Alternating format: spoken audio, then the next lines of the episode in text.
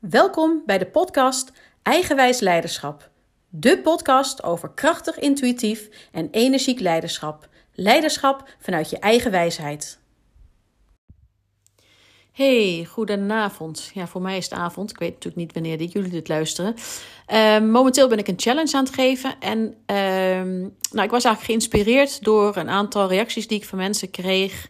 Ehm, waar ze vragen hadden over veranderen en neuzen dezelfde kant op krijgen. En uh, uh, nou ja, super fijn dat er ook sowieso wat interactie is uh, in mijn Facebookgroep die, die ik op dit moment heb voor de challenge. Um, maar ik dacht, laat ik er ook eventjes een podcast over opnemen. Um, want weet je, dat, dat mensen willen veranderen, neuzen dezelfde kant op, is natuurlijk wel een issue waar veel meer managers, veel meer leidinggevenden ook tegenaan lopen. Van hoe krijg je nou inderdaad ook mensen mee?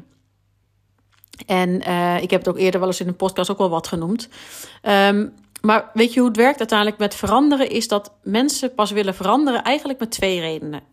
Of ze moeten de urgentie, de, urgentie om te veranderen moet groot genoeg zijn. Ze moeten echt de bodem geraakt hebben. Ze moeten tegen een muren of plafonds aanlopen. Um, dat er echt geen geen andere kant meer op kunnen, bewijs van. En de andere motivatie om te veranderen is dat het verlangen groot genoeg is. Er moet een zwaarwegende reden zijn om te veranderen. Het gaat dus over urgentie of het gaat over verlangen.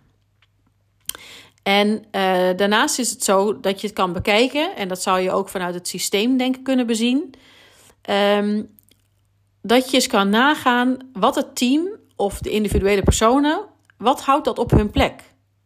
Dus inderdaad, wat is het dat hun op hun plek houdt? Wat levert het hen op om niet te veranderen? Want zolang het er meer oplevert om niet te veranderen dan wel te veranderen, is verandering realiseren gewoon ontzettend lastig.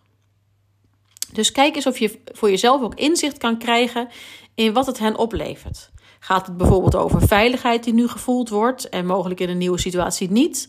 Of een vorm van vrijheid of zekerheid? Zijn ze nog ergens trouw aan vanuit het verleden? Zit er nog ergens een lijntje of een verbinding met een oud collega of een oud leidinggevende? Het kan van alles zijn, maar probeer dat eens voor jezelf helder te krijgen van jouw team of van jouw medewerker. Want inzicht geeft echt mogelijkheden om een oplossing te vinden. En zeker wanneer het gaat om mensen die roepen dat vroeger alles beter was, ehm, dan, dan zijn ze dus ergens nog trouw aan iets. Dan is er nog iets wat hun hang naar vroeger aanwakkert. En het kan bijvoorbeeld ook zijn dat een paar oudgedienden hun maatjes van vroeger missen dat ze het vroeger veel gezelliger vonden op de werkvloer en dat mensgerichter. En dat ze klagen over dat er nu meer gestuurd wordt op cijfers, weet ik veel, dat soort dingen. Dat soort dingen zijn ook wat degene die ik wel vaker heb teruggehoord. En interessant is het dus ook om dan te kijken waar ligt dan hun verlangen, hun behoefte? Waarom hebben ze die hang naar vroeger zo? En wanneer dat bijvoorbeeld saamhorigheid is of aandacht, dan kan je daar je focus op zetten. Het betekent eigenlijk helemaal niet dat het per se helemaal zo moet als vroeger. Maar er zit gewoon een, een verlangen in, in hun, uh, uh, nou ja, in wat ze noemen, in hun vroeger was alles beter. En een valkuil eh, bij een leidinggevende is vaak dat wanneer je de wens van een medewerker hoort, je hier gelijk een mits of een maar op voelt. En stel dat een medewerker zegt dat hij meer of min, uh, meer aandacht nodig heeft, bijvoorbeeld, dat je dan direct wil gaan invullen vanuit je eigen kaders. Dat je dan denkt, ja, maar hoe dan? Ik kan niet meer aandacht geven, ik heb al zo weinig tijd. Uh, nou ja, dat soort dingen. Maar wanneer je dan inderdaad in gesprek gaat met een medewerker, dan kan je gaan nadenken hoe, over hoe dan wel. Want misschien gaat het niet over aandacht van jou, maar gaat het over aandacht in het algemeen. Zijn er manie andere manieren waardoor hij of zij zich gezien of gehoord voelt? En misschien is alleen al dit gesprekje Doordat je even de tijd neemt en naar hem of haar luistert, misschien is dat dan wel genoeg. En sowieso is het interessant, want we denken vaak als leidinggevende dat we alle oplossingen zelf moeten verzinnen. Terwijl er uiteindelijk zoveel meer wijsheid in het collectief ligt. En dat is, daar zou je ook voor open moeten staan. En, want daarbij liggen de denkkaders vanuit het collectief gewoon veel breder. Vaak zie je vanuit jezelf stellen meer beperkingen. Maar gewoon ook omdat het beperkter is. Gewoon omdat je alleen bent. Uh, vanuit je denken, vanuit tijd, gevoel, vanuit alles is het beperkter als je alleen aan het denken bent over oplossingen. En daarnaast is het wellicht misschien best wel arrogant dat jij voor de ander gaat bepalen wat goed is. Dat jij denkt het beter te weten. Ik weet niet of jullie de kreet ook Nivea kenden. Uh, niet invullen voor een ander. En dat is het. Weet je, ga vooral vragen stellen, luisteren, verdiependere vragen stellen. Ga je helemaal inleven in de ander. Wat hij of zij ziet, denkt, voelt. Wat hij, haar of zijn mening is en wat hij mogelijk anders zou willen. En vervolgens afpellen. Ik hoor je dit of dat zeggen. Betekent dat zo of zo? En is het misschien een idee om?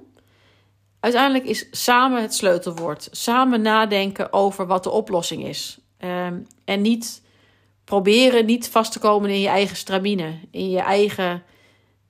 Ehm, vanuit je, puur vanuit je eigen kaders. Maar probeer daar inderdaad ook buiten te gaan denken. En dat werkt altijd beter als je er samen met de medewerker over nadenkt. En misschien weet hij niet precies wat hij wil maar weet hij wel hoe hij zich zou willen voelen. Nou, en dan kan je vanuit die richting weer verder gaan kijken. Uiteindelijk is het, wanneer je eh, als leidinggevende verandering wil creëren, belangrijk om het verlangen ehm, om te veranderen aan te wakkeren bij de persoon of de urgentie te creëren. En weet je, vanuit een negatieve kant kan je dan denken aan, ja, iemand moet zijn gedrag veranderen, want anders uh, ontslag of demotie. En je start een verbetertraject.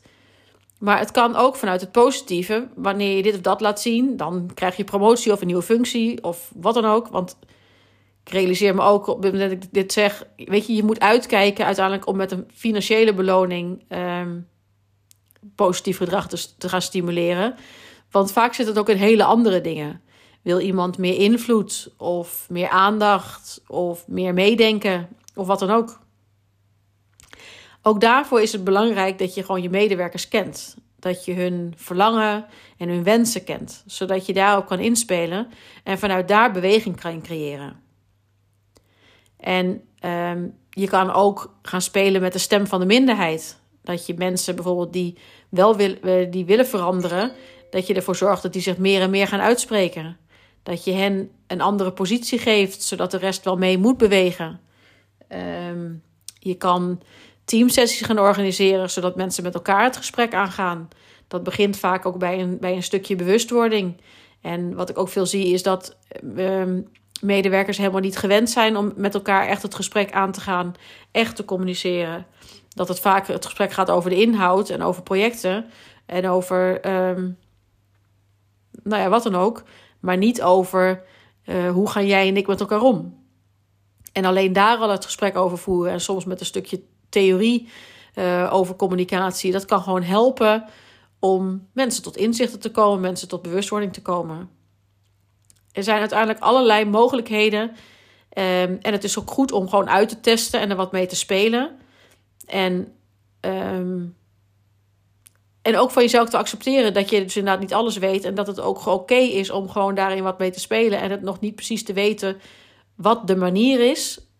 En volg ook daarin je intuïtie. Als jij denkt dat dat de manier is, nou, dan is dat misschien wel op dit moment wel de goede manier. En daarnaast is het natuurlijk nog steeds belangrijk om jezelf goed te kennen. Want wat maakt dat jij wil veranderen? En wat is de manier waarop je dat brengt? Ben je, ben je zelf heel hard aan het werk? Ben je aan het drukken of trekken? En hoe wordt er op jou gereageerd? Nou ja, dat zijn aspecten natuurlijk die, die ik ook in mijn programma's ook gebruik. Weet je, want uiteindelijk begint leiding geven aan anderen, begint gewoon bij leiding geven aan jezelf. Dus nou ja, ik hoop dat uh, deze podcast ook jullie wat inzicht geeft over, uh, over veranderen. En uh, dan wens ik voor jullie nu, het is voor mij avond, dus een hele, hele fijne avond, maar ook een hele fijne dag. En tot snel. Vind je het leuk om me verder te volgen? Anders gezegd, wil je niets van me missen? Abonneer je dan op mijn podcast. Ik ben sowieso erg benieuwd wat je van mijn podcast vindt en ik zou het enorm waarderen wanneer je een review achterlaat. Tot snel!